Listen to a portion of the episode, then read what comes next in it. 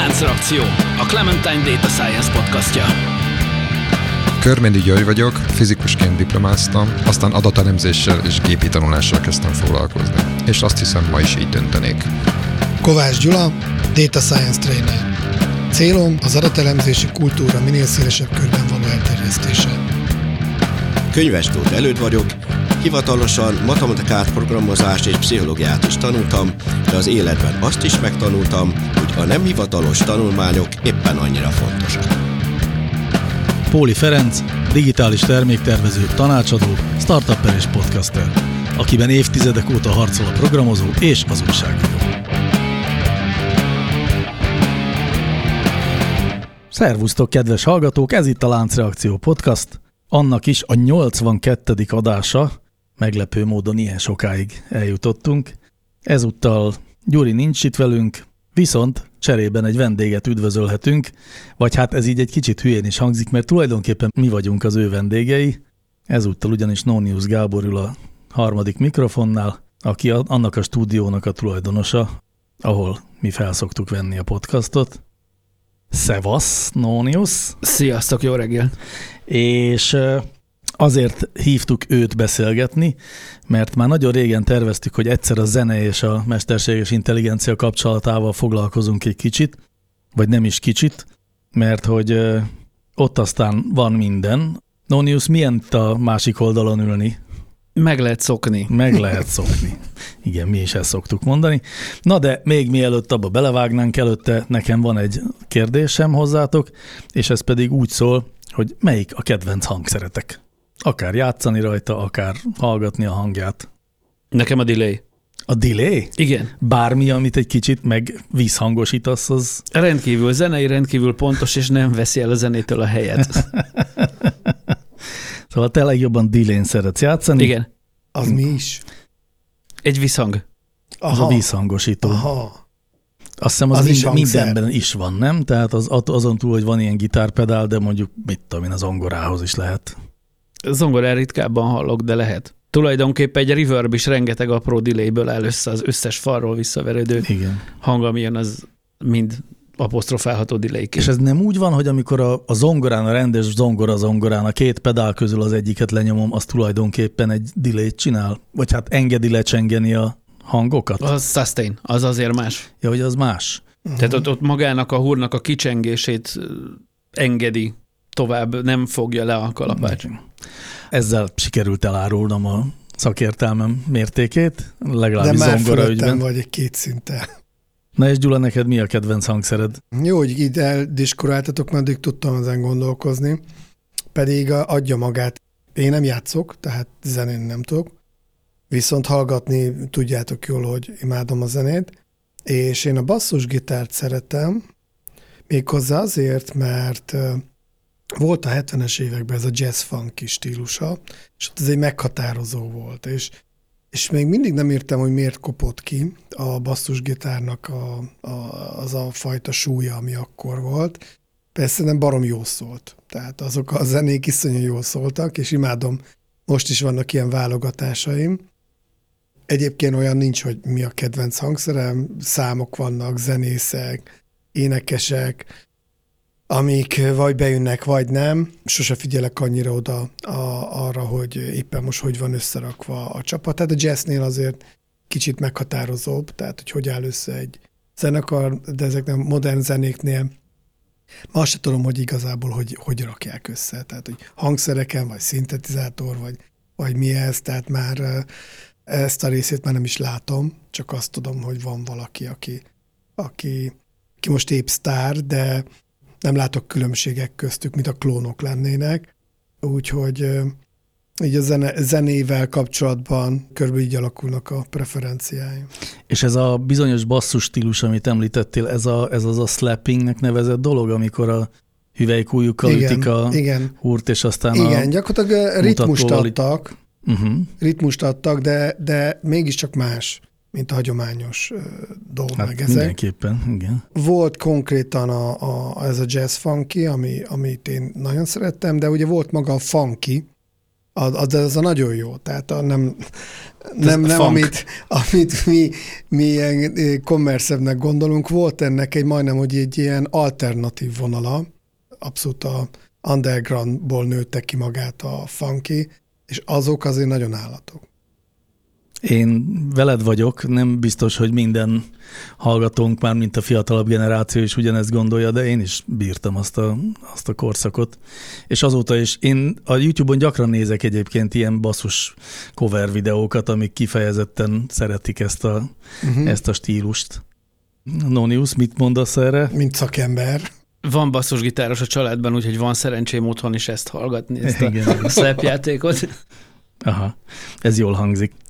Én gondolkodtam, hogy én mit mondanék erre a kérdésre, mert elsőre azt mondom, hogy gitár, mert egy kicsit tudok gitározni, bár tényleg inkább csak a... Van az ultimateguitar.com nevű oldal, ahol mindenféle gitárkottákat lehet letölteni, és amikor ott regisztrál az ember, akkor mindig megkérdezi a rendszer, hogy hogy milyen gitáros vagy, és akkor ott van a nem tudok gitározni, a négy akkord, a tábortűzi gitáros, és utána még jön két vagy három kategória, és én magamat a tábortűzi gitáros kategóriába uh-huh. szoktam besorolni, és annak az aljára teszem magamat. Szóval a gitárt mondanám, de az egy kicsit azért egy unalmas mondás, és ami az utóbbi időben viszont nagyon megtetszett, az a, az a baj, hogy nem biztos, hogy eszembe jut a neve, nem a hangtál, hanem tudjátok, van az a ilyen fél méter átmérőjű, lencseszerű, Hangdrum. Az az, igen. Ilyen bronzból többnyire öntött, vagy csiszolt, különféle fémekből összerakott eszköz, amin, amin a ujjaival dobol az ember, és mindenféle hangokat ad ki, és iszonyú izgalmas zenéket lehet vele csinálni. Az nagyon vonzó benne, hogy biztos, hogy nem lesz hamis. Ugye, mert ott előre megadottak a hangok, tehát nem tudsz rossz hangot játszani, csak rossz sorrendben. Hát kérdés, hogy mennyi ideig hagyod a napon? Hát nem szabad a napon hagyni természetesen. Bár akkor csak egyszerűen elhangolódik, nem? Valószínűleg igen. Igen, tehát az egész arrébb csúszik egy kicsit. Ezzel a stúdiótechnika tud mit kezdeni. És hát ezzel akkor meg is érkeztünk ahhoz, amiről ma beszélgetni fogunk, mert azért, hogyha a zenét és a mesterséges intelligenciát akarjuk összekötni, akkor ott nagyon-nagyon sokféle irányba el lehetne menni, sokféle téma van, hiszen szerez is most már zenét a mesterséges intelligencia, meg a meg mint eszköz is nagyon sokat felmerül, de először én onnan szeretném indítani, hogy manapság általában szokás attól félni, hogy a mesterséges intelligencia elveszi a munkáját a, és akkor itt jönnek a grafikusok, a fotósok, a zenészek. Mm. Tehát általában a kreatív szakmák művelőinek, és ezen mindenki szeret sopánkodni, hogy az milyen szörnyű lesz, amikor már ilyen mesterséges zene lesz, nem lesz semmiféle emberi, természetes hangzás a muzsikában, hiszen a Emmy fogja majd az egészet generálni, és az on majd hallatszani fog, hogy milyen műanyag. Akkor én ehhez képest azon szoktam gondolkodni, hogy vajon milyen évszámot tippelnétek, hogy melyik az az idő pontja az emberi történelemnek, amióta lényegében nincsen olyan, hogy természetes hangzású zene. Tehát mondjuk, hogy a stúdió felvételek mikor kezdtek olyanok lenni, amiben már biztosan, hogy van valamiféle mesterséges, digitális, vagy akár elektronikus beavatkozás. Mert hogy azt gondolom, hogy manapság, így 2022-ben nincs olyan, hogy természetes zene, legalábbis egy stúdióalbum esetében az egész biztos, hogy azon van valamiféle olyan módosítás, ami, ami megváltoztatja azt a zenét, amit feljátszottak a zenészek. Ilyen formában a láncba iktatott előfok és a tehát az előerősítő és maga a mikrofonnak a karaktere is befolyásolja, Így hogy van. mit hallunk. Van erre egy ágazat most, vagy nem tudom, hogy vallásnak nevezzem, vagy, vagy trendnek, hogy minél nagyobb felbontásban vesznek föl zenét, és, és igyekeznek egyáltalán nem hozzányúlni. És ugyanígy van az audiofiloknál is egy ilyen, vagy fileknél, akik például arra esküsznek, hogy ő a hetedik sorban ül a templomban, és hallgatja az orgonát, akkor pontosan a feje fölé kitett nagymembrános mikrofon egy nagyon nagy felbontású rendszeren felvéve fogja neki azt az igazságot adni, mint amit ő ott érzett a helyszínen. Uh-huh. Tehát, hogy van, aki erre megy rá, hogy minél inkább a, azt reprodukálják, ami a helyszínen történt, és akkor utána innentől indulunk abba az irányba, hogy a saját ízlésünk szerint mit merre fogunk roncsolni. Igen, de azért ehhez képest a, a, a mainstream az egész, és a mainstreambe itt azért mondjuk beleértem azt, aki a zeneipar része, az, az többnyire erről szól, nem, hogy ott már van beavatkozás. Még azon gondolkodtam, hogy a, mondjuk egy, egy torzító pedál a gitárhoz, az természetesen valami módon egy digitális módosítás.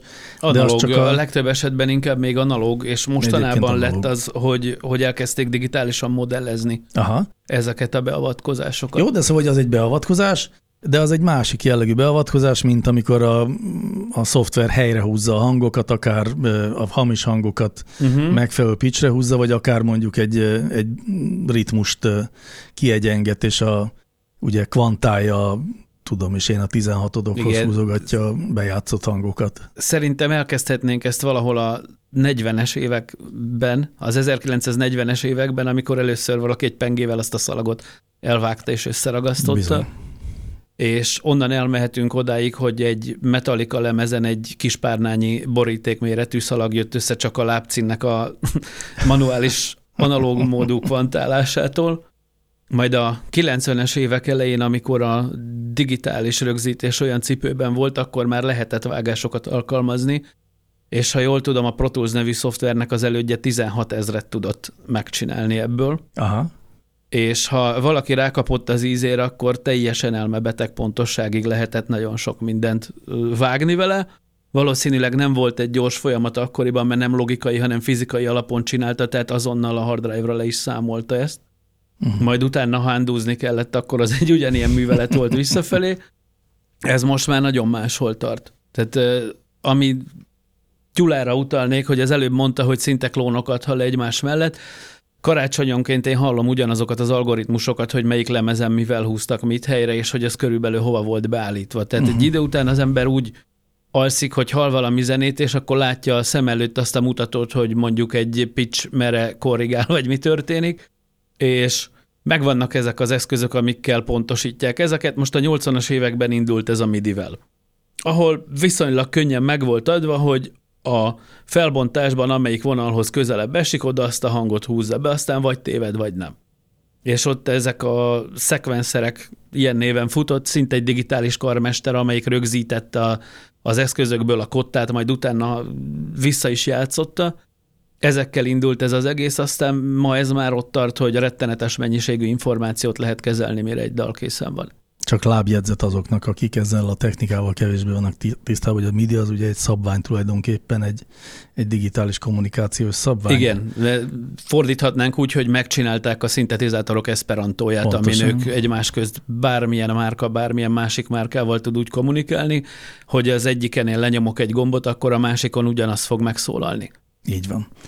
És innentől lehet igazán digitális zenéről beszélni, ugye korábban is készült, tehát voltak szintetizátorok, analóg szintetizátorból Igen. végtelen mennyiség. Idősebb hallgatók nyilván emlékeznek a mondjuk Presser Gábornak az Elektromantik című Ó, hát, lemezére, biztos még van is, Igazából, igazából a, a szintetizátor, ugye a 70-es években indult ez Jean-Michel Jarre és a Kraftwerk. Hát akkor lett nagyon népszerű, vagy akkor lett populáris. Sőt, tehát igazából a Delta zenéje, amit a fiatal hallgatók biztos nem tudnak, azt két fizikus rakta össze a valami műhelyükben, és ilyen egészen űrszerű hangzást csiholtak ki belőle. Én meg is találtam őket. A Song for the Second Moon. És az 50-es, igen, és az 50-es években rakták már össze, de az igazán népszerű az a Kraftwerk meg a Jean-Michel volt, és eh, ha kimondom ezt a nevet, hogy Moroder, ezt nem biztos, hogy mindenkinek beugrik, de lejátszanánk tőle egy-két zenét, akkor mindenki tudna, hogy miről van szó, és igazából ő, ő nekem a nagy kedvencem, és azért, mert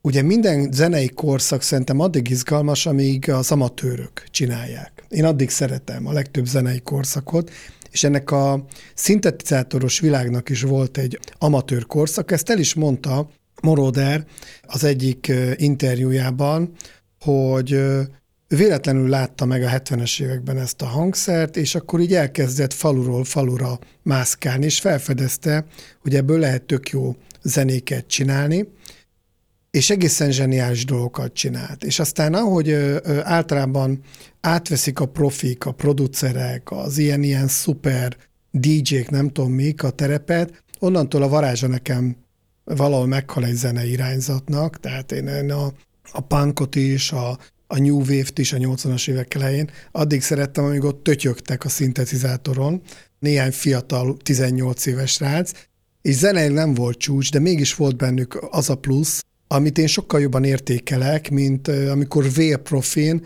de valahol lélektelenül már egy iparág hozza ki a zenéket. Ez az iparágnak a tudatos megújulásához tartozik ez a folyamat, hogy mindig az undergroundból merít, hogy ő friss uh-huh. tudjon maradni. Aha. És hogyha ha tényleg klubszinten ezek a kísérletek, amikről beszéltél, sikerülnek, és onnantól nevezzük nem kísérleti zenének, hanem az a kísérlet tulajdonképp sikerült, ami utána be van az iparba építve. Igen, de onnantól már számomra kevésbé izgalmas. Hát meg onnantól le lehet járatni. Uh-huh. Ja. Azt gondolom, hogy nem zárja ki a profizmus a lélek meglétét a zenében. Tehát nem, lehet egyszerre nem. profinak és lélekkel zenélőnek lenni. Az igaz, hogy amikor az ipar megjelenik a zenében, akkor se feltétlenül lélektelen lesz, de mindenképpen akkor elmegy egy ilyen alkalmazottabb irányba. Igen, túltolnak újonnan felfedezett fűszereket. Igen, lásd autotune, hogy egy régi kedves példánkkal Igen, előjöjjünk, amiről már beszélgettünk itt egyszer a láncreakcióban. Na, én találtam egy cikket, ahol meglepő módon nyolc alkalmazását írták össze az AI-nak. Mi lenne, hogyha végigolvasnám, és elmondanátok, hogy ti mit gondoltok róla, mert van köztük legalább négy olyan, amire nem is gondoltam volna. Szerintem próbáljuk meg, semmiképp ne olvasd végig, hanem inkább csak címszavakban ismertesd. Jó, hát ezek címszavak vannak szedve. Az első nyilván, amire mindenki gondol, sőt, itt már érintettük is, hogy magát a kompozíció az AI-hoz tartozik, tehát a mesterséges intelligencia ír zenéket. Nekem a, az első benyomásom erről az volt, hogy ez még szerintem annyira nem terjedhetett el. Tehát a legnagyobb slágerek mögött még mindig szerzők vannak, meg emberek. Nem tudom, hogy volt-e már mondjuk a, a top 10-es listákon ilyen AI írtal dalok. Hát vagy nem vallották be. Aha. Vagy nem valották be, meg egyébként mit tekintünk annak, amit AI írt? Ugye az is egy kérdés, ez egy definíciós probléma. Igen. Mert ha mondjuk csak a, a dobsávot meg a basszussávot csinálta AI, akkor az akkor micsoda? Vagy hogyha van egy zenei kísérlet egy élő énekessel, akkor az micsoda, és ezt hosszan tudnánk sorolni, de szerintem nem jellemző ma még a producerek nem bízzák rá egy tehát nem, nem a, a, a generált zene a manapság az elterjedt, hanem inkább, ha valami, akkor a procedurális zene. Van ilyen egyébként, van ilyen megkülönböztetés, vagy ezt én találtam ki ebben a pillanatban, az, hogy procedurális zene és generált zene? Ez még így, ne, a generatív zene olyan van. Azért kérdezem, mert azt gondolom, hogy két, mód, két megközelítés van. Az egyik, amikor nagyon sok mintát, illetve nagyon sok szabályt rögzítünk, és azt mondjuk, hogy ezeket a szabályokat ilyen más szabályok mentén kell variálni, így csinálj zenét. És akkor így lehet, tehát nem tudom, azt kell mondani a, a, a szoftvernek, hogy tonika domináns, szubdomináns, vagy fordítva, sose tudom, mindegy is, és akkor ő majd abban a sorrendben fog lejátszani zenéket. Ez egy procedurális zene az én fejemben, amennyiben valamiféle bonyolult szabályrendszer mentén készül. És akkor ehhez képest a mesterséges intelligenciával, egy neurális hálóval meg úgy lehet zenét csinálni, hogy azt mondjuk neki, hogy figyelj, itt van egy millió Nirvana felvétel, hallgassd meg, aztán tessék, Egyébként valamit. volt is ilyen, hogy a mesterséges intelligencia írt pont Nirvana számot, így van. És olvastam egy death metal zenekarról, akik az új lemezüket már úgy íratták meg számítógéppel, hogy az előzőket be küldték, Aha. és annak a paraméteri alapján a gép írt valamit, amit utána a zenekar elkezdett megtanulni, és hogy majd ezt kiadják lemezen, meg turnéztatják. Aha. Ez is egy működő megoldás. Igen, és akkor csak a lábjegyzet felelősként mondom, hogy a Drowned in the Sun volt a címe annak a dalnak, amit a Nirvana nyomán irattak, egyébként, ha jól emlékszem, a Google-nak a Magenta című alkalmazásával. Na most én meg se lepődtem volna, nem találok el egy open source megoldást. Ezt a Magenta stúdiónak hívják, nem tudom. Ez volt az, amivel írták a igen, Nirvana dalt is. Ez igen. egy Google TensorFlow alapú projekt. Én is rámentem. Nyilván, amik ott voltak kódok, az nálam nem futott. Elméletek pedig kellett volna, de ezt már annyira megszoktam, hogy én ebbe annyira béna vagyok. És ha jól vettem ki, azért ez nagyjából úgy működik, hogy nem nulláról ír, hanem viszel ötleteket, ilyen zenei ötleteket, és azokból gyúr össze egy végső számot, de lehet, hogy teljesen nulláról is. De, bár szerintem inkább ez van, hogy megadsz ilyen mintákat, hogy mihez hasonlót kéne írni, és akkor a végén valamit kihoz ez a mesterséges intelligencia. De ami az érdekes, ha valaki a hallgatóságból kedvet kapott, hogy írjon idézélbe AI segítségével zenét, az fölmegy ebbe a Magenta stúdióba, van külön JavaScriptek, vannak Python skriptek, vannak ilyen mintafájlok, tehát nem is kell a saját cuccain először csinálnia, mintafájlokon gyakorolhatja, és utána, hogyha van kedve, akkor összedob, és a legjobbakat majd várjuk, ha beküldik a hallgatók. Sok ilyen szolgáltatás van egyébként, tehát nem csak a Magenta Studio, de mit tudom, ez Ampere nevű zeneszerző rendszer, ott is ott megmondhatod a stílust, a BPM-et. A Igen, de ott nem érted, mi az AI. Én, én fölraktam egy saját videót, és kiválasztottam, hogy jazz, meg cool, és egy kész dallamot öt különböző stílusban választhattam ki, de nem, nem tehát nem láttam, hogy ez, ez ott a videó hatására komponált egy zenét, hanem előre lerögzített dalok közül lehet csak választani. Itt nem éreztem ezt a, a, a dolgot. Elvileg az Amper azt mondja magáról, hogy ott generálódik a zene, tehát hogy az AI generálja, de aztán ez igen, kicsit valóban összemosódik ez a határ, hiszen most az a kérdés, hogy, hogy frekvenciákat tol-e be a rendszer, uh-huh. valamiféle matematikai mintanyomán, vagy hangmintákat válogat ki a könyvtárból, és rak össze egy új sorrendbe. Mm, vagy a rengeteg szabályszerűség szerint talál ő ki valamit, ami alapján egy random dologból indul ki, amit egyéb szabályok szerint uh-huh. folytat. Igen. És ha én megadom neki azt, hogy én szeretnék egy lassabb, nyugodtabb valamit, és ez legyen egy picit szomorkás, de mégse, mellette ne legyen harsány egyebek, én megadom, és a végén kiad nekem valamit, aminél szintén azt kértem, hogy ez legyen mondjuk 8 perc hosszú, akkor készen van a várakoztató zenéje a cégemnek, vagy egy lift zene, vagy bármi. Pontosan, vagy akár egy videónak az aláfestő Igen. zenéje. Ami, ez amire ez alkalmazott zeneként tökéletesen megfelel. Tehát nem Igen. az a szerepe neki, hogy, hogy énekeljen vele, hanem hogy elfedje a tányércsörgést, ha most nagyon bunkó akarok lenni. E, ez jogos, tehát 46 másodperces volt a videó, amint teszteltem, és a zene pont 46 másodpercig tart. Szépen le volt kerek. Tehát e, ilyen értelemben valamit tud a rendszer. Hát abszolút, és ezzel egyébként meg is válaszoltuk azt a kérdést Gyulának, hogy tudunk-e top 10 slágert, mármint top 10-be került slágert, nem tudunk, de az, hogy videók mögött halljuk ezeket a AI generált zenéket, az, az mindennapos uh-huh. helyzet ma már. Én még egy valami mást akartam idehozni, Lényegében bárki, aki Apple terméket vásárol, az ingyenes jogot szerez a GarageBand nevű ilyen zeneszerkesztő szoftverre, ami egyebek mellett tudja azt, hogy ott, a, ott lehet ugyan dobot programozni, de alapvetően ott van egy ilyen, nem is tudom, digital drummernek hívják, vagy hogyan, vagy magic, biztos magic drummernek hívják, már nem emlékszem. A lényeg az, hogy ott is kb. egy ilyen, egy kétdimenziós koordinátorrendszerben húzhatod valahova a pöttyöt, hogy te milyen zenét akarsz.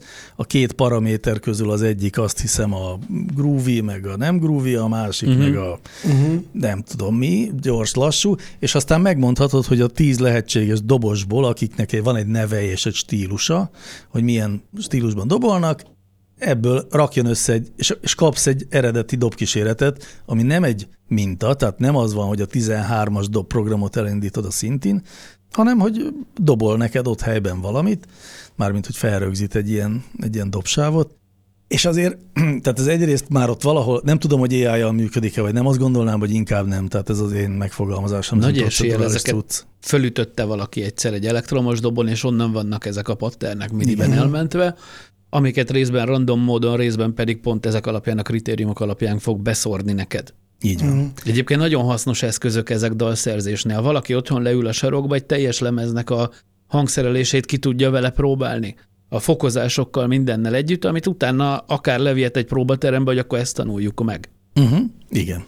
Jó, szóval, hogy szerintem az első sort Gyula De már szerintem kiveséztük.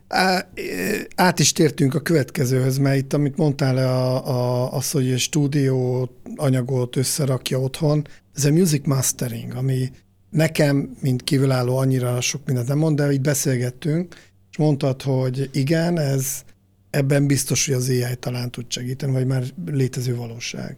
Létezik, de a, a kifejezetten masteringre van egy csomó online Mi is a mastering? Csak hogy a hallgató, én sem tudtam mi az. amikor a zenét bearányoztad, meg minden a helyére került benne, akkor kapsz egy mixet. Uh-huh.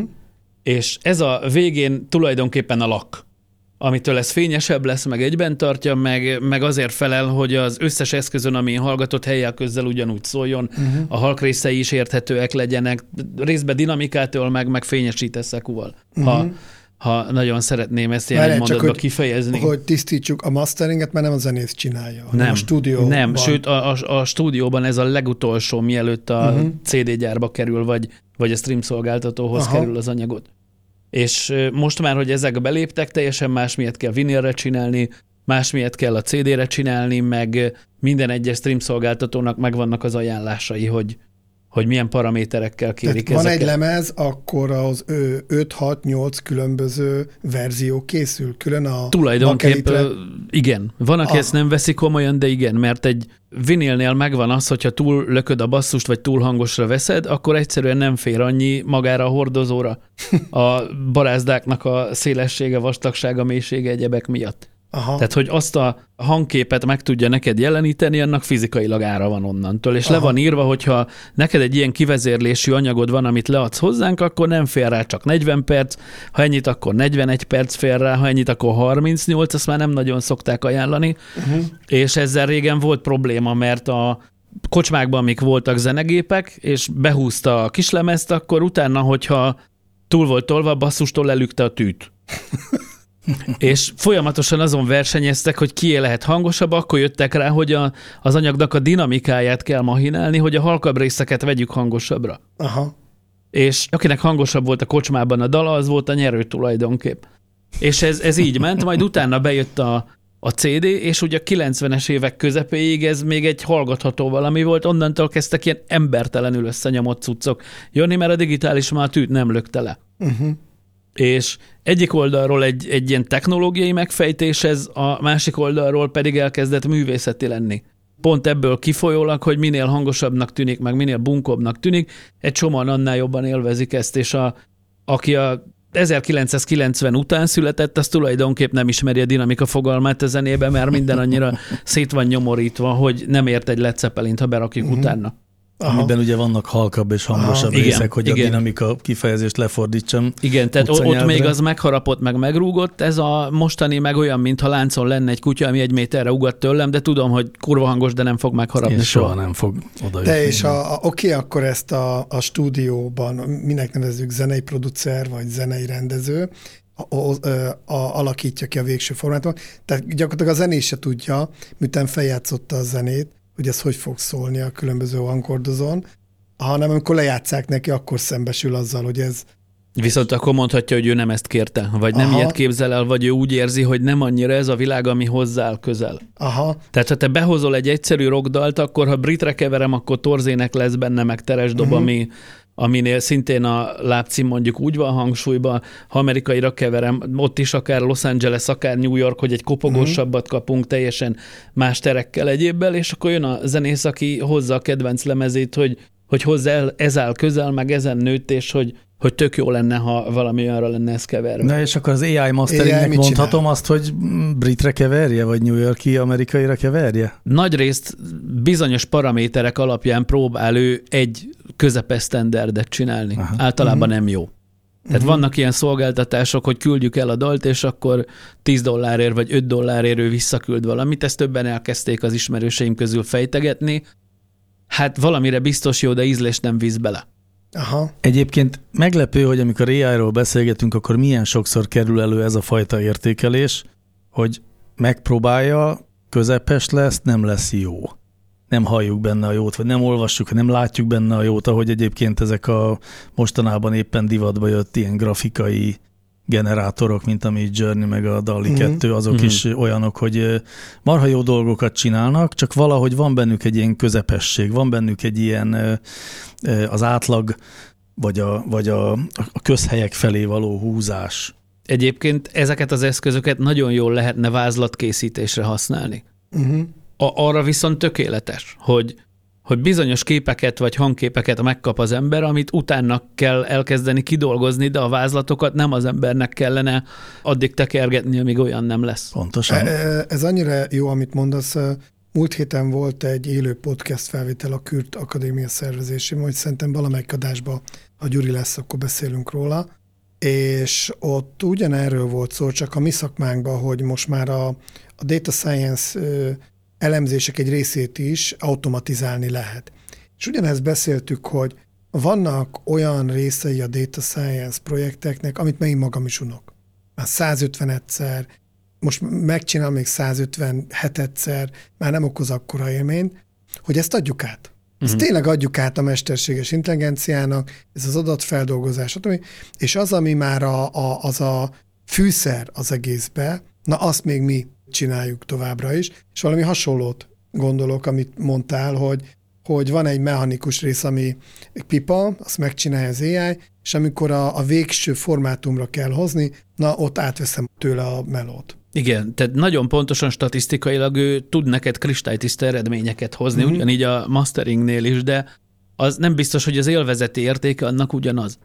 Ez nekem egy örök kérdés, és tulajdonképpen ma majd végig erről beszélgetünk szerintem, hogy, hogy én értem, de hogy vajon a, az átlagfül, a vevői fül, a hallgató 90%-a az hallja ezeket a különbségeket, vagy sem. Ez egy, ez egy vita szerintem, és ha bár ez az, az lenne szerintem egy logikus magyarázat, hogy nem hallja, de másfelől meg azt gondolom, hogy könnyen lehet, hogy optimistában lehet hozzáállni ehhez, és ha nem is szakértő módra, de hallja, egyszerűen azt hallja, hogy ez valahogy nem érzékeli. olyan... Érzékeli. Érzékeli, de definiálni nem tudja, mint amikor Igen. eszel valamit, és azt mondod, hogy figyú, ez majdnem tökéletes, nem tudom megmondani, hogy sóból, vagy szegfűszegből, vagy bármiből kellett volna több, vagy kevesebb, de valami, valami ebben nem az volt. Valami még uh-huh. kellett volna bele. Na mi van még azon a listán, mert eddig Kezd egyre izgalmasabb lenni. Ugye még erről beszéltünk, a streaming, ugye a Spotify a legnagyobb, több tízezer dal kerül fel gyakorlatilag naponta a Spotify-ra. És az, hogy az jusson el hozzánk, ami a mi ízlésünknek legjobban megfelel, ez abszolút AI. Tehát itt, itt nincs, nyilván nem indiai mókusok válogatják le Kovács Gyulának azt az öt számot, ami majd tetszeni fog, hanem itt nincs mese, itt az AI próbálja összerakni azokat a playlisteket, az, az alapján, amiket én hallgattam, talán legjobban tetszik nekem, és ebben látok fejlődést. Van ez a heti zeneradar, régebben nagyon beragadt, szerintem csak azt nézte, hogy én 50 éves vagyok, vagy már elmúltam, és csak ezt a 70-es évek zeneit nyomta nekem, és most azt vettem észre, hogyha utazunk, és akkor a gyerekeim elkezdik hallgatni a modern zenéket, akkor a következő héten a listában megjelennek modern zenék. Ugye ő nem tudhatja, frissül, ő, régen. ő nem tudhatja, hogy ezt igazából gyerekeim hallgatták, nem én, de ugye ugyanaz az control ment, de azért általában most már nagyon tudatosan ott vannak azok a, a fúziós jazz zenék, és azokból is a legújabbak, amik tényleg érdekelnek, ezt hosszú évekig nem találta el. Úgyhogy én, én, én úgy gondolom, hogy az AI ott is, hát nyilván fejlesztik folyamatosan, és uh, szerintem javul. Rossz hírem van, Gyula, az algoritmus abszolút tudja, hogy azt a gyerekeit hallgatták. Ugye erről már beszéltünk egyszer uh-huh. korábban, hogy vannak erre módszerek.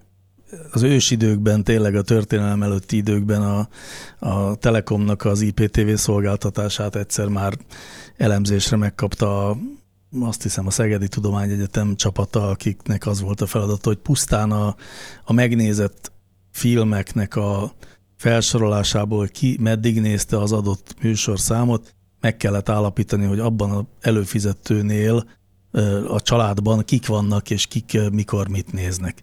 És ezt meg lehetett csinálni. Tehát tudták, uh-huh, hogy apuka, uh-huh. anyuka, gyerek ki, mikor. Tehát, hogyha valaki délelőtt mesefilmet nézett, akkor azt beprofilozták, hogy ott a gyerek nézi. Na, és hogy ugyanígy nyilván a Spotify is tudhatja ezt, azt hiszem arra is jutottunk a Spotify ajánlórendszerével kapcsolatban, hogy tudna az jobb is lenni, hanem inkább kereskedelmi érdeke fűződik igen, valószínűleg igen, igen, ahhoz, hogy ne feltétlenül Nyilván van szponzorációt. Pontosan úgy szolgáljon ki, ahogy te azt szeretnéd, vagy hogy Szóval lehetnek más érdekek is azon túl, hogy egyszerűen csak a mi zeneízlésünket etesse az algoritmus. Szerintem egyre több szempont alapján figyeli. Úgy, hogyha ha kiadóként szeretnél föltenni egy dalt a Spotify-ra, akkor elküldöd az agregátor cégnek, majd miután átkerült a Spotify rendszerébe, lehet nyomni egy olyan funkciót, hogy pitchelés.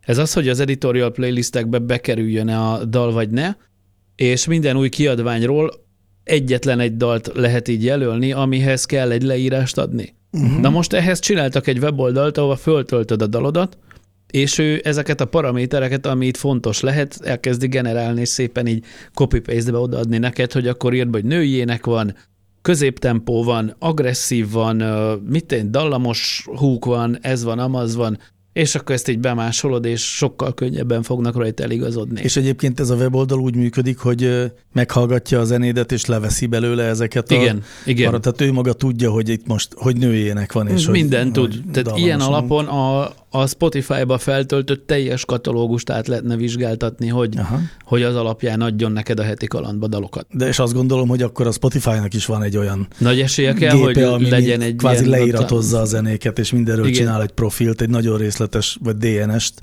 és ez alapján uh-huh csinálhatja az ajánlást.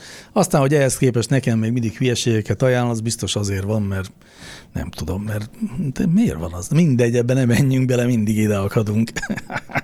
Menjünk inkább tovább azon a listán, mert az ajánlórendszerekről már sokszor volt szó. De az mi még izgalmasabb lehet, most már gondolkozzunk a stúdiók szemszögéből, hogy mi, miből lesz a nagy sláger, a hitsong, illetve ki lesz a következő időszak nagy előadója.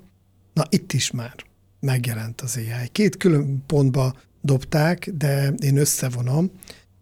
Ami izgalmasabb számomra, a Warner Music most vásárolt fel egy startupot, amelyiknek van egy olyan algoritmusa, amelyik folyamatosan monitorozza a közösségi médiát.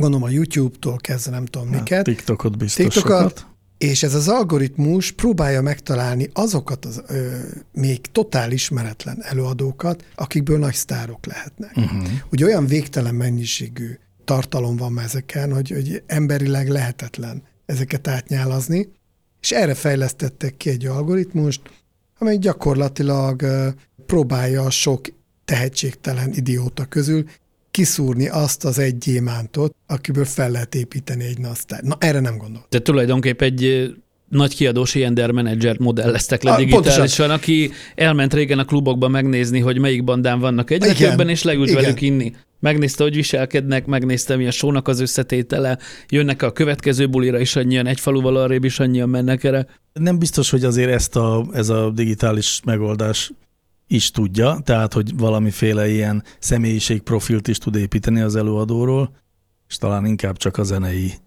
teljesítményüket tudja modellezni. Egyrészt, meg másrészt azt gondolom, hogy inkább arra lehet jó, hogy, hogy össze tudja hasonlítani, hogy nem tudom, amikor a Beatles 13 éves volt, per amikor a Nirvana 13 éves volt, akkor milyen volt, milyen lett, és akkor ehhez képest ilyen hasonló mintákat követnek Mondjuk ezeknek ezek a zenekaroknak az életében a legnagyobb változás ott következett be, amikor egy nagy kiadó rátette a kezét. Egyrészt, másrészt elég hülye példákat hoztam, mert hogy mind a kettő a őslények előtt volt kb. Nagyon sok törvényszerűség ugyanaz. Tehát a, a slágerdaloknak a hossza meg a felépítése az eléggé viselkedés kultúrán alapul. Tehát szinte bármilyen stílust játszatok, ha azt a dalszerkezetet alkalmazom, akkor többen fogják szeretni, mert akkorra kapják meg azokat a dolgokat, amikor azt a szervezetük igényli. Szerinted egyébként arra van csak minta, hogy hogy lehet mainstreamben jó zenét csinálni, vagy arra is van-e minta, hogy hogy lehet elkötelezett rajongótábort építeni. Most úgy értem a a dolgot, hogy ha te nem mainstream pop zenét akarsz, és nem a hallgatottság a célod, hanem a, a kicsi, de nagyon elkötelezett rajongótábor, akkor erre is ugyanúgy meg lehet találni a mintákat? Talán kevesebb kísérlet fér bele, és folyamatos interakcióra van szükség. Uh-huh. Uh-huh. Tehát lehet, hogy a legelején egy előadónak van egy berobbanós lágere, vagy bármilyen dal akár undergroundon, hogy ez micsoda, és ott nagyon sokan figyelnek föl rá, majd utána ez elkezd visszaesni, és aki a végére marad, ő belőlük képződik az a mag, mint akit említettél előbb. Ezt úgy szokták mondani, hogy a, a YouTube-ra föltolod a lemezed, az első dalon a legnagyobb a nézettség, és a legutolsón a legtöbb a komment. Uh-huh. És akik a legutolsóra kommentelnek, ők azok, akik a következő lemezedet is meg fogják hallgatni. Értem. Még egyébként még egy kérdés eszembe jutott, hogy szerinted van-e olyan nagy sztár ma a nemzetközi porondon, aki tényleg nagy sztárnak számít, akár lehet másod vagy harmad vonalban nagy sztár is, aki a zenekiadók támogatása nélkül, azoktól függetlenül, és mondjuk a TikToktól is függetlenül, vagy szóval hát a, a TikTokon való támogatástól függetlenül lett sztár. Hát ebben a közösségi vagy klubfinanszírozásban, vagy egyéb, talán a Rammstein az egyik legerősebb nemzetközileg, hogy ugyanazzal a stábbal berlini központtal indulnak mindenhova, és általában a jegyeik nagy része és a lemezeik nagy része előre el van adva úgy, hogy klubtagsághoz van kötve a, uh-huh. a jelenléte a, a közegnek, akik onnantól tényleg egy társasággé, vagy társasággá vannak kovácsolva, és előre megvan, hogy milyen tagsági díj mellett abban az évben neki milyen előnyök járnak mondjuk a kiemelt koncertjegyel, vagy az egyéb relikviákkal, vagy a hamarabb megkapott lemezzel, meg a többivel. Ezt értem, de a Rammstein az már egy befutott zenekar. Én most arra gondolok, hogy, a, hogy amikor még nem futott be valaki, uh-huh. és aztán egyszer csak eljut addig, hogy világsztár lesz, akkor minden esetben ott van-e a háttérben, akár csak láthatatlanul is, de egy, egy olyan finanszírozó, aki a marketinget teszi mögé, vagy tényleg megtörténhet még 2020-as években is, amit mondjuk Billy Irish-ról szoktak állítani, és aztán sose tudjuk meg, hogy ez legenda uh-huh. vagy igazság, hogy ő tényleg csak úgy feltöltögette a YouTube-ra a zenéjét, és onnan lett világsztár, vagy azért csak volt ott valaki, aki mögé tett egy olyan iparági eszközparkot, amivel fel lehetett építeni például azt az imidzsét, hogy ő a lány, aki csak feltöltötte a YouTube-ra az Hát valahonnan el kellett jutni ekkorába, és lehet, hogy akkor nyúltak oda, amikor úgy tűnt, hogy most már az undergroundban ő kikerülhetetlen. Uh-huh. Ugyanígy, mint ahogy reng- SoundCloud rapper néven emlegetnek rengeteg ilyen autotyúnos arcot, meg trap arcokat, akik szintén így lettek világhírűek, hogy onnan. Nem teljesen látom át, hogy hogy működik az a része, úgyhogy nem akarok itt hazudozni, Viszont amikor a MySpace följött, akkor volt például a Hollywood Undead nevű előadó, akik a MySpace-en lettek rettentően híresek, és a zenekar vezető évekig tárgyalt nagy kiadókkal, mert mindenki valamelyre szerette volna őket lúgozni. És azt mondta, hogy addig ő nem megy el a nagy kiadóhoz, és addig nem fog megjelenni olyan formátumban a cuccuk, amíg az nem lehet rajta, amit ő eredetileg oda képzelt. Uh-huh. És a mai napig turnéznak, köszönik szépen, jó vannak, persze a MySpace azóta hol van sehol. Hát azóta nem olyan rég még ki is vette meg? Nem az Eminem, Justin Timberlake. Justin Timberlake, igen, igen, igen. igen. Na, és a, a másik ilyen előrejelző algoritmus, hogy, és ez számomra már tényleg a misztikum, hogy miből lesz nagy sláger, mi lesz top 10-es sláger, hogy ezt előre tudja jelezni egy algoritmus, tehát gyakorlatilag írnak 10-20-30 számot a zenészek, és az algoritmus dönti el, hogy, hogy melyik lesz valószínűleg legnagyobb sláger. Számomra ez azért hihetetlen egy kicsit, mert én láttam a Queen filmet, amiben ugye van a legnagyobb slágerük, a Bohemian Rhapsody, amiről a nagyhatalmú stúdióvezér mondta, hogy ezt felejtsék el. Hosszú is, nem is jó. Ebből soha az életben nem lesz sláger, és a, az nem, hogy a 20. század, a 21. században is az egyik legtöbbet lejátszott dal még mindig. Azért a vényvilágának elég sokat köszönhetünk, hogy ez a mai napig ott van ez a dal. Igen. Hát, de az abban az évben is robbant. Tehát amikor kijött, akkor is az év egy. Ez egy fontos dal volt, az biztos. Úgyhogy az valószínűleg az algoritmus azt kidobta volna a kukába, hogy, hogy ez, ez semmilyen paraméternek nem felel meg, nem három perces, nem könnyen fülbemászó, stb. Ennek ellenére ezt nagyon nyomják, és én már nem tudom hány adással ezelőtt mondtam ezt a sazamos dolgot, hogy, hogy ahhoz képest talán ez mégiscsak egy olcsóbb megoldás lenne, ha működne. Ugye a Shazamnál ugye azt találták ki, hogy ha van két száma a, egy zenekarnak, és nem tudják, hogy melyiket futtassanak a országos szinten, akkor egy kis városba, Amerikában az egyik kisvárosban lejátszák az egyiket, a másik kisvárosban a másikat, úgyhogy semmit nem mondanak róla, csak játszák a rádióban, és azt figyelik, hogy hányan sazamozzák le az egyik kisvárosba, hányan a másikba. Uh-huh. És amiket többen besazamoznak, azt fogják futtatni, mert az ragadt meg egy csomó embernél, és akkor így döntik el, hogy ez a potenciális slágergyanús szám. De hát ugye nyilván ennek költsége van, tehát ez, ez, ez nem egy kis kis projekt, míg mennyivel egyszerűbb lenne, ha egy ilyen AI lejátszod neki három perc alatt, és azonnal megmondja, hogy ez világsláger lesz, vagy sem. De azt szerintem AI nélkül is meg lehet mondani nagy részt. Tényleg? Aha. Igen, Na, valószínűleg ezért is nem használják ezeket a megoldásokat, nem? Mert, hogy... E- erre egy szingapúri startupot mond a cég, valami Musio nevezetű cégről van szó, még annyival tud többet, hogy ugye rengeteg stílus van, de nem csak zeneileg, hanem azt hiszem így kiadók szintjén is. Mhm. Tehát nem, nem az van, hogy egy kiadó bármit kiad, hanem ott is vannak profilok, és ezeket ő még össze is párosítja, hogy Igen, talál ezt egy... muszáj is, mert tematikusan úgy kell eljuttatni Mhm. a megfelelő rádiócsatornákhoz, meg a, a sajtóhoz, meg egyéb, és nem ismerhet egyszerűen mindenkit. Uh-huh. Tehát ugyanúgy meg van határozva, hogy ez a korosztály, ilyen zenét hallgatnak, ilyen ruhába vannak, stb., Mhm. és oda fog lőni, nem így a nagyvilágba össze-vissza, és sokkal több ember talál el tudatosan. Tehát egy punk zenével foglalkozó kiadó nem fog kiadni egy 50-es évekbeli komoly zenei újrakiadást, mert nem tud mit kezdeni vele.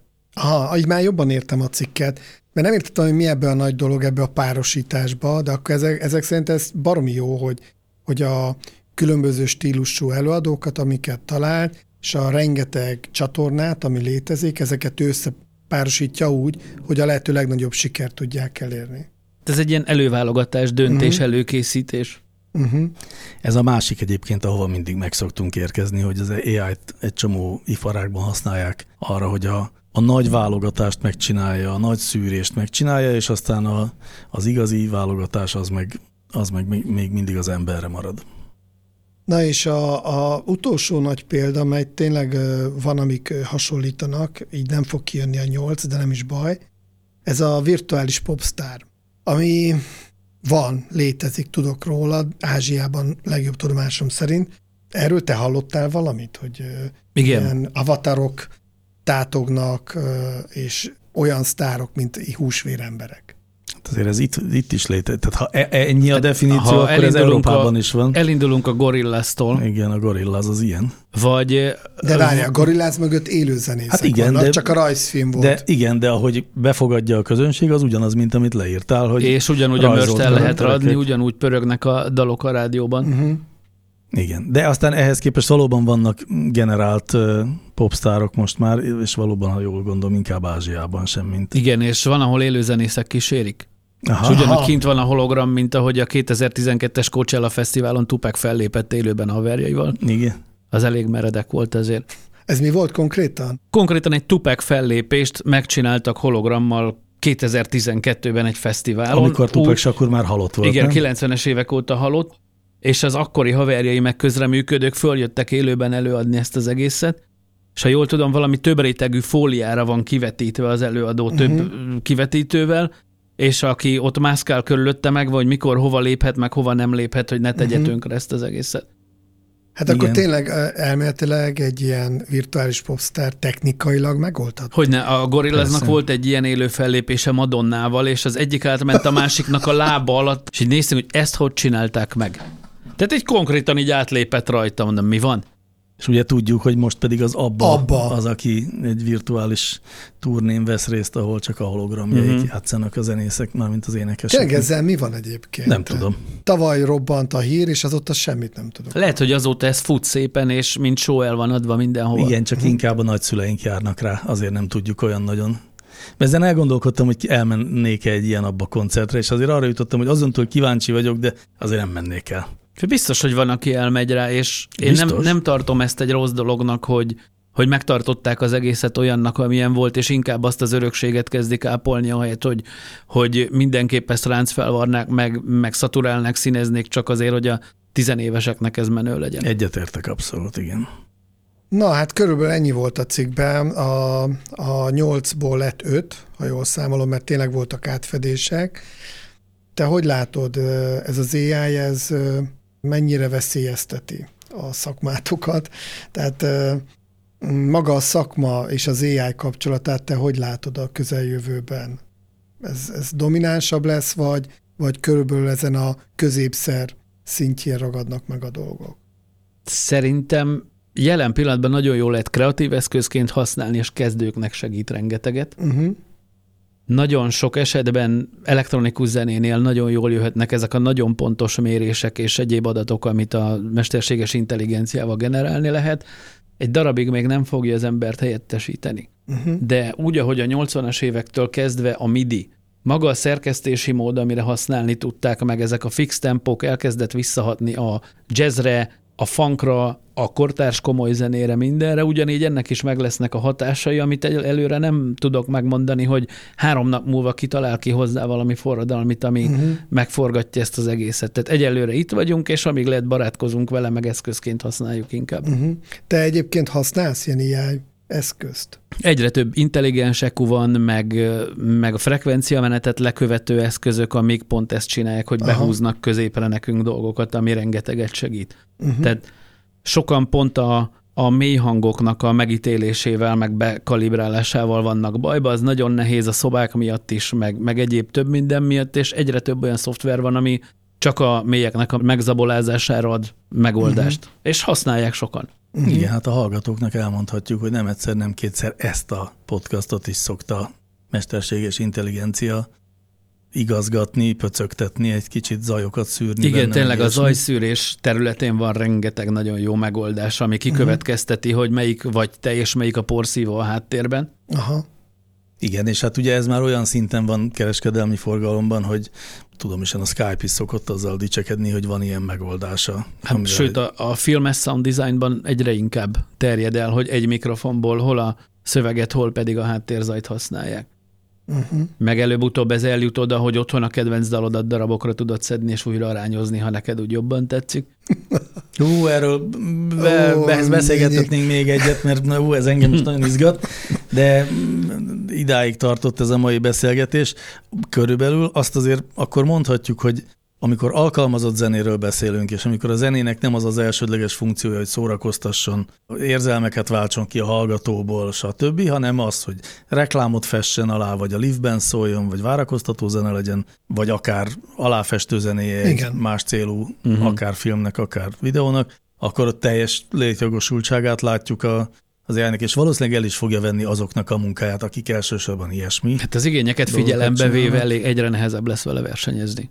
Igen, ugyanakkor meg azért az is látszik, hogy amikor viszont kreativitásra van szükség, tehát amikor valódi, és akkor én most itt egy kicsit belecsúsztam a saját csapdámba, és valódinak nevezem azt a zenét, amit az emberek csinálnak, de hát mégiscsak valahogy ezt gondoljuk, hogy ott, ott még egyelőre nem látjuk a létjogosultságát, és nem azért, mert nem elég te, fejlett technikailag, hanem azért, mert az AI ugye mintákból számol középértéket. Mm. Most akkor nagyon-nagyon-nagyon csúnyán leegyszerűsítettem, de hát mégiscsak az van, hogy amikor AI generál valamit, akkor egy nagy átlagot kapunk. És a mindenféle kreatív melóban meg azt szeretjük, ami pont, hogy egy kicsit eltér az átlagtól, és valahogy ugyanazokból a hangokból egy olyan sorrendet tud összerakni, amit még nem hallottunk, vagy ami felkelti a figyelmünket. Kell valaki, aki megcsinálja azt, amiről még nem tudja, hogy lehetetlen. Így van, pontosan. És erre az AI valószínűleg természeténél fogva sem képes. Hát meglátjuk minden esetre. Noniusnak köszönjük, hogy jött velünk, és Köszönöm sztorizott. És lehet, hogy ilyen lesz még, mert engem egy csomó kérdésben nem maradna. Köszönjük a figyelmet.